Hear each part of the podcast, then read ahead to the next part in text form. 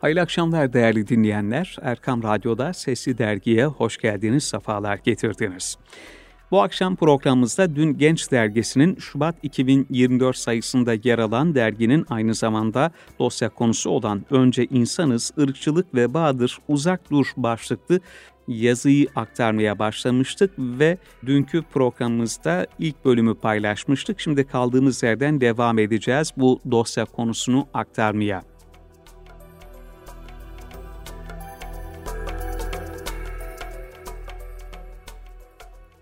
Ülkemizde ırkçılık illeti uzun bir süredir hortatılmaya çalışılıyor.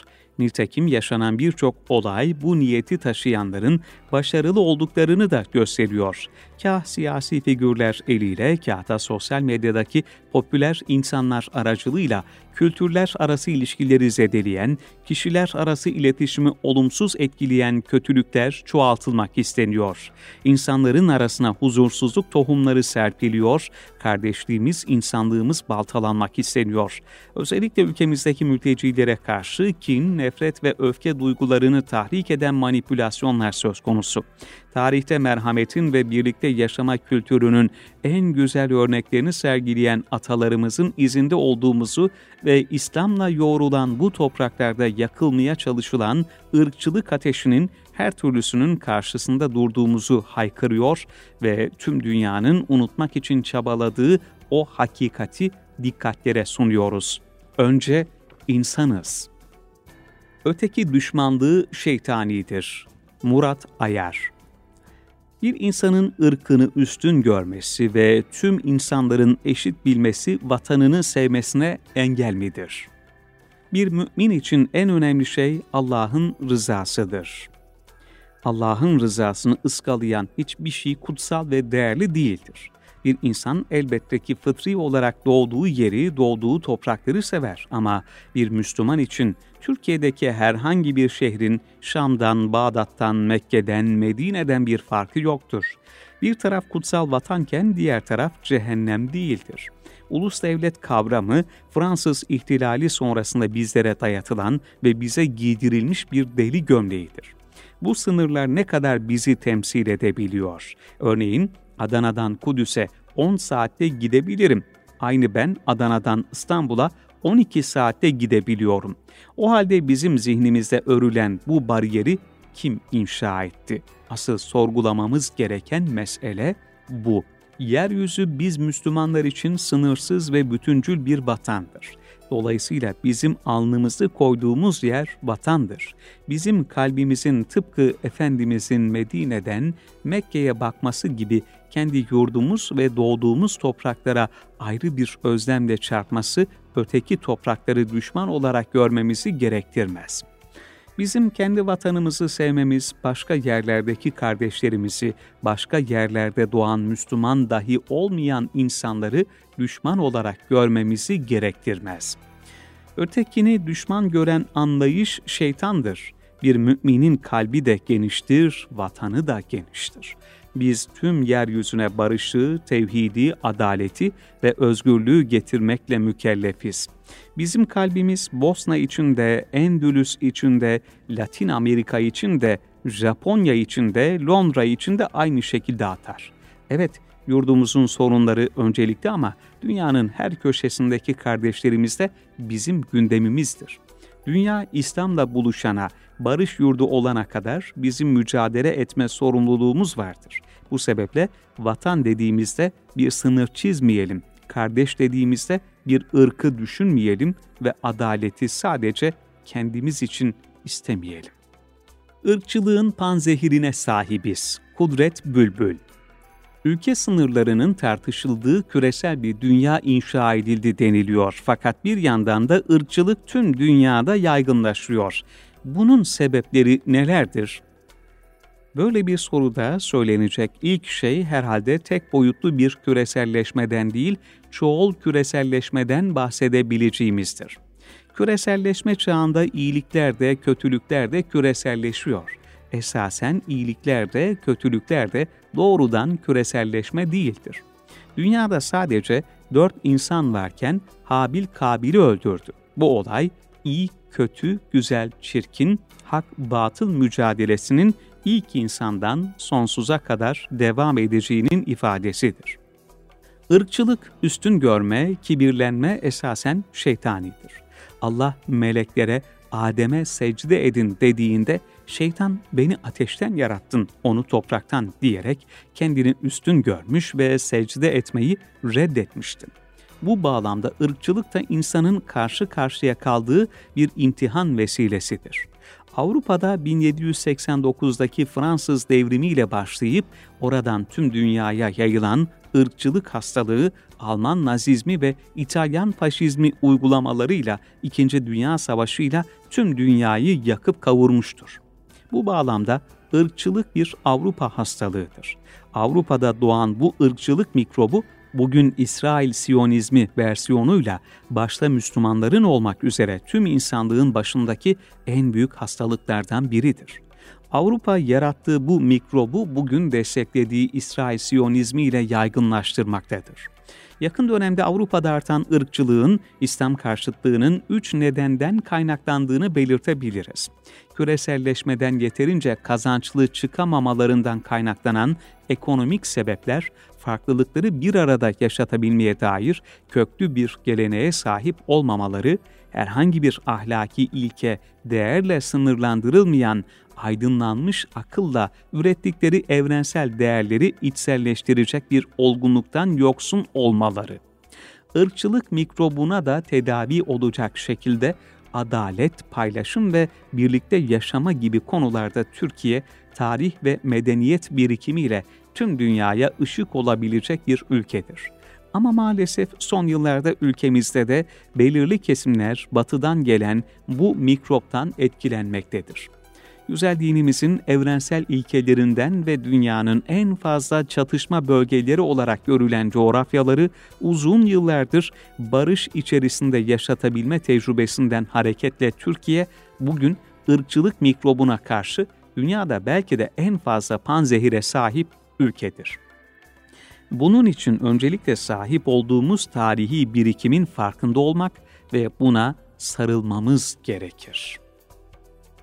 Irkçılığın temelinde şeytani bir kibir vardır. Sinan Özyurt Ne tür davranış ve söylemler ırkçılıktır?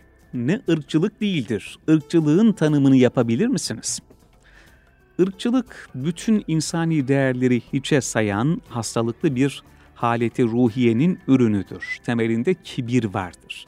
Kişinin kendini beğenmesi ve başkalarından üstün görmesi gibi kendi ırkını beğenip diğerlerinden üstün görmesi de kibrin bir sonucudur. Peygamber Efendimiz kalbinde zerre kadar kibir bulunan kimse cennete giremez buyurarak kibirle küfrün yakınlığını ortaya koymuştur. Şeytanı cennetten ebediyen kovdurtan şey de kibirdir. Hz. Adem için meleklerle birlikte secdeye varması emredilen iblis bu emre itaat etmemiştir. Bunun sebebi olarak da Hz. Adem'in topraktan kendisinin ise ateşten yaratılmış olmasını ileri sürmüştür. Ona göre ateş topraktan üstündür. Tabi olarak kendisinin de Hz. Adem'den üstün olması gerekir. Burada bir mantık örgüsü ve akıl yürütme söz konusudur. Şeytan hem kibriyle hem de doğru bilgiye, vahye dayanmayan uydurma bir mantık yürütmeyle büyük bir sapkınlığın içine düşmüştür bilinen ilk ırkçının iblis olduğunu rahatlıkla söyleyebiliriz. Irkçılığın temelinde şeytani bir kibir vardır ve ırkçılık içinde Allah'a isyanı barındıran şeytan mantığına dayanır. İslam, insanların renk, dil, etnik köken gibi doğuştan getirdikleri farklılıklar üzerinden birbirlerine tahakküm ve baskı kurmalarını reddeder. Bu farklılıkların Allah'ın ayetleri olduğunu belirterek insanların tanışma ve bilişme vesileleri olması gerektiğini vurgular. Müslüman diğer insanları dinde kardeş veya yaratılışta eş olarak görür. Her insan yaratılışı gereği korunması gereken temel haklara, onur ve haysiyete sahiptir. İslam bütün insanların onur ve haysiyetini teminat altına alır. Günümüz dünyasında insanların ait oldukları etnik köken, konuştukları dil, mensup oldukları din, cilt renkleri, sosyal sınıfları bakımından baskı ve ayrımcılığa maruz kalması ırkçılığın farklı tezahürleri olarak görülmelidir. Her türlü kutsala savaş açan ırkçı ideolojiler, kendileri için yeni kutsallıklar oluşturmakta ve bunlara dayanarak soykırıma varan suçlar işlemekten geri durmamaktadır. Son 3 aydır çoluk çocuk demeden Gazze halkına soykırım uygulayan Siyonizm bunun en bariz örneğidir. Dünyadaki ve Türkiye'deki bütün ırkçı yaklaşımların ellerine fırsat geçtiğinde Siyonistlerden geri kalır taraflarının olmadığını da unutmamak gerekir.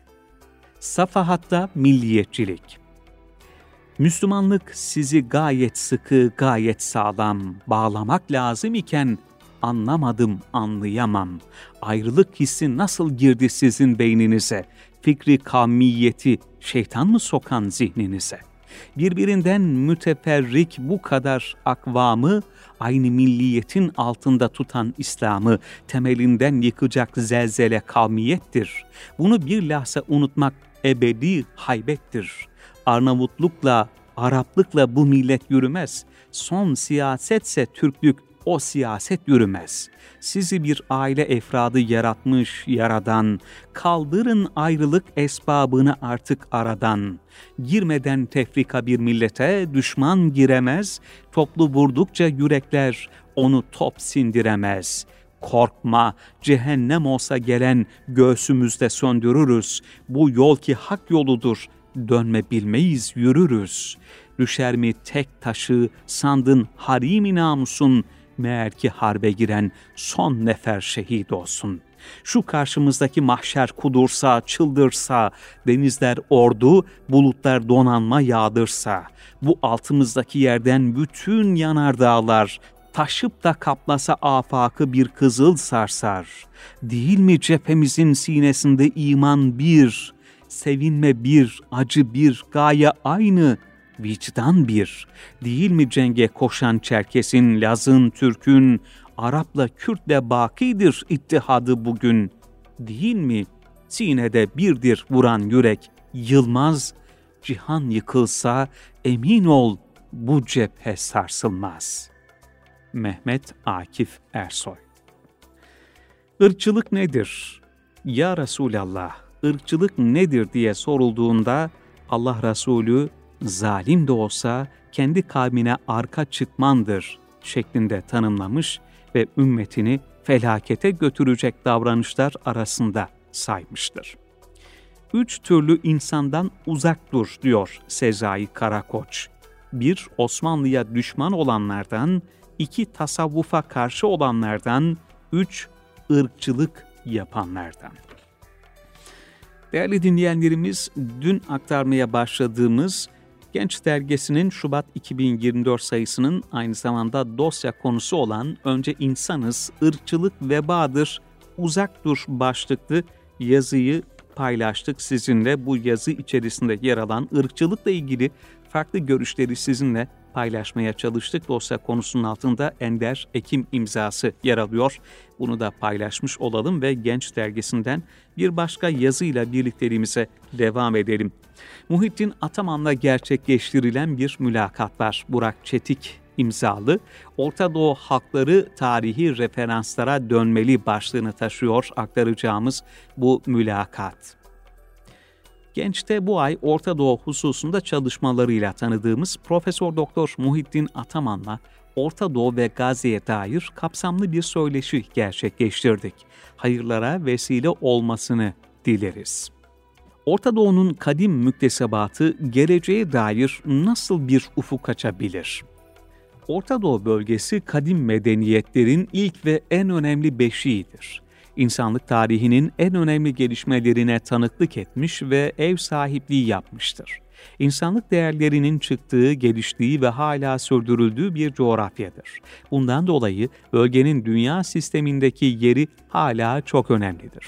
Bütün eksikliklerine ve zayıflıklarına rağmen bu bölgenin halkları dünyaya değer katmaya devam etmektedirler.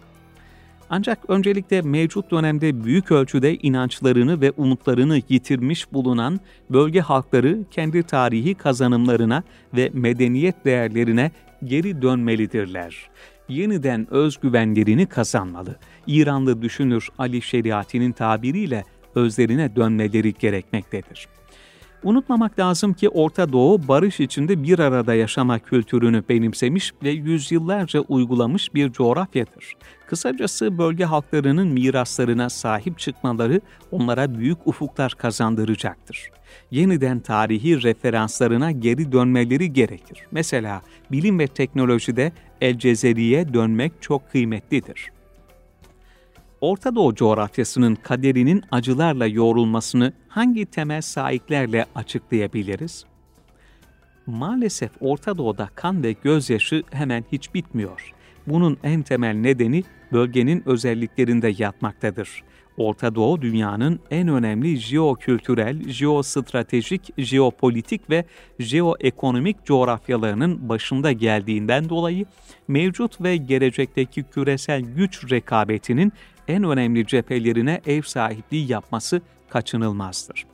Eski dünyayı oluşturan üç kıtanın kavşak noktasında bulunduğundan küresel hegemonyanın elde edilmesinin ön şartı ola gelmiştir.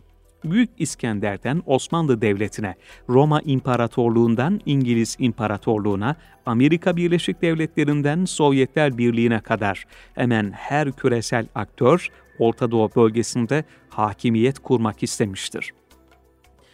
Dünyanın en etkili ve en yaygın üç önemli inancı olan İslam, Hristiyanlık ve Yahudilik Orta Doğu'da ortaya çıkmıştır. En fazla peygamber mezarlarına ev sahipliği yapan bölgedir. Bunlardan dolayı da dünyanın en önemli jeokültürel bölgesidir. Bunun en önemli göstergesi Kudüs şehridir. İslam'ın ilk kıblesi olan şehir, Hristiyanlar ve Yahudiler içinde vazgeçilmez olarak görülmektedir. Unutmayalım ki Haçlı saldırılarının ve Siyonist projenin merkezinde hep Kudüs ola gelmiştir. Özellikle petrolün bulunmasından sonra jeoekonomik bakımdan dünyanın en önemli bölgesi haline geldi. Batılı devletlerin Osmanlı Devleti'ne ait bölge topraklarını kendi aralarında bölüşmek istemesinin temel nedenlerinin başında petrolün bulunması gelmektedir. Sömürgeci Avrupalı devletler tarafından imzalanan Sykes-Picot Anlaşması bu paylaşımcı ve işgalci ruhu temsil etmektedir. Bugün itibarıyla sahip olduğu petrol ve doğal gaz kaynakları dolayısıyla hemen her küresel devletin iştahını kabartmaya devam etmektedir. Öte yandan Orta Doğu, Süveyş Kanalı, Babülmendep Boğazı, Hürmüz Boğazı, İran Körfezi, Çanakkale Boğazı, İstanbul Boğazı gibi dünyanın en önemli bazı su yollarına ev sahipliği yapmaktadır. Orta Doğu, dünya ticaretinin en büyük kısmının geçtiği bir bölgedir. Dolayısıyla bölgenin istikrarı dünya ticaretinin istikrarı içinde hayati önemi haizdir. Orta Doğu araştırmaları yapılırken nasıl bir yöntem izlenmeli? Orta Doğu araştırmaları maalesef Batılılar, oryantalistler ve özellikle Siyonistler tarafından yapılmıştır, yapılmaktadır. Bundan dolayı da bölgeyle ilgili çalışmalar oldukça yanlıdır. Filistinli Hristiyan bir Arap entelektüel ve akademisyen olan Edward Said'in bu konuda çok yerinde tespitleri ve yayınları var. Said, oryantalizm, şarkiyatçılık, kültür ve emperyalizm, medyada İslam gibi kitaplarında etkili bir şekilde batıcı zihniyetin çarpık bölge ve İslam algısını ortaya koydu.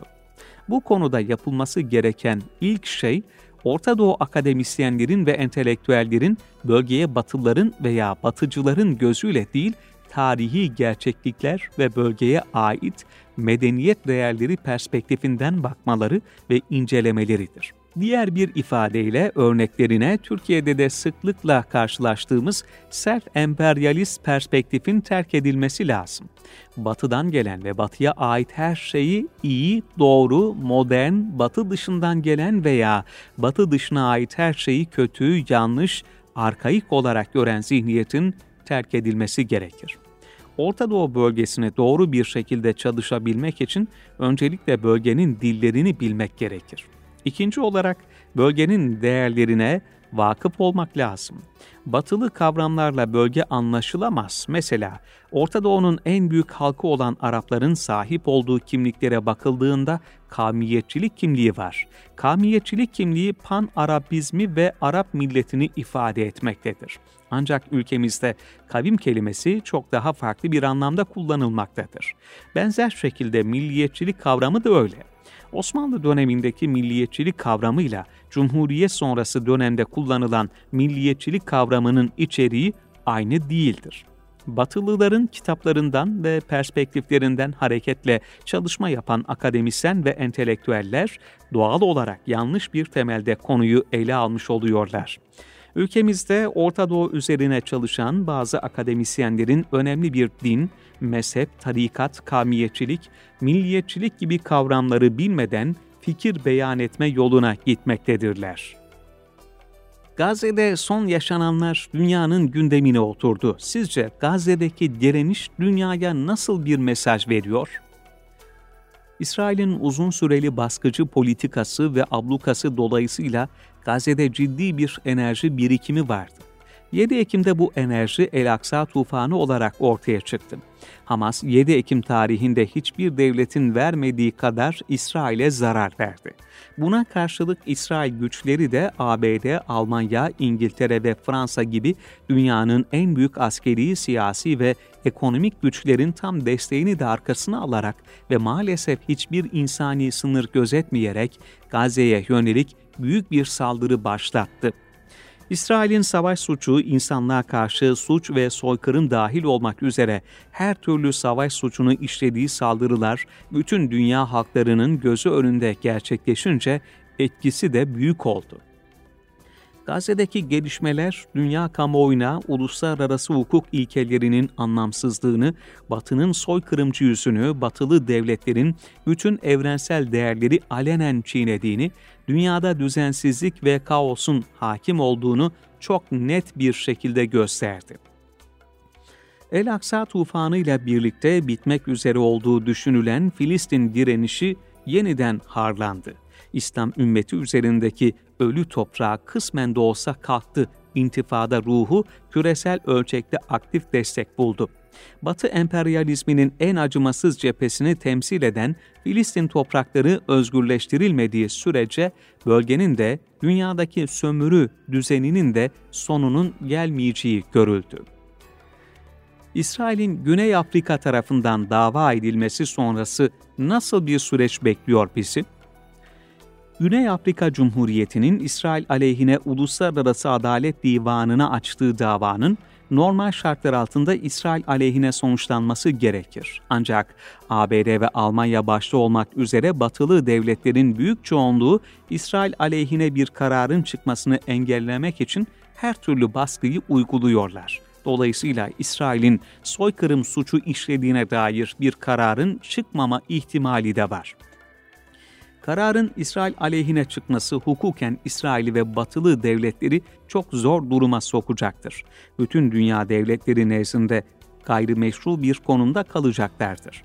Bundan sonraki siyasi ve ekonomik ilişkileri olumsuz etkilenecektir. Bu bakımdan davanın daha çok sayıda devlet tarafından sahiplenilmesi çok önemlidir. Öte yandan geçmişte Siyonizm düşüncesinin ırkçı bir ideoloji olduğuna dair Birleşmiş Milletler Genel Kurulu'nun bir karar alması bile bunun ötekileştirilmesini sağlayamamıştı. Çünkü batılı devletlerin emperyalist düşüncesinin en etkili aparatlarından biri olan Siyonizm ideolojisi İsrail devletinin resmi ideolojisi olmaya devam etti. Ayrıca hukuksuzlukta zirve yapmış bir zihniyetin ve sahip oldukları askeri ve siyasi güç dolayısıyla kimsenin kendilerinden hesap soramayacağından emin oldukları için pervasızca ihlallere devam edebiliyorlar. Orta Doğu'yu üç kelimede özetleseniz bunlar hangi kelimeler olurdu? İslam, din, Filistin, Arap, savaş, çatışma.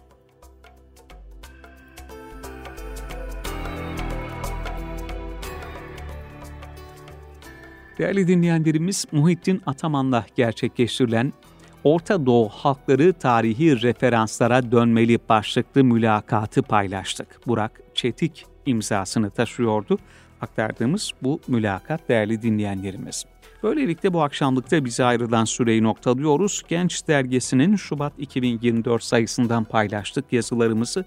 Geceniz hayır olsun efendim. Hoşçakalın.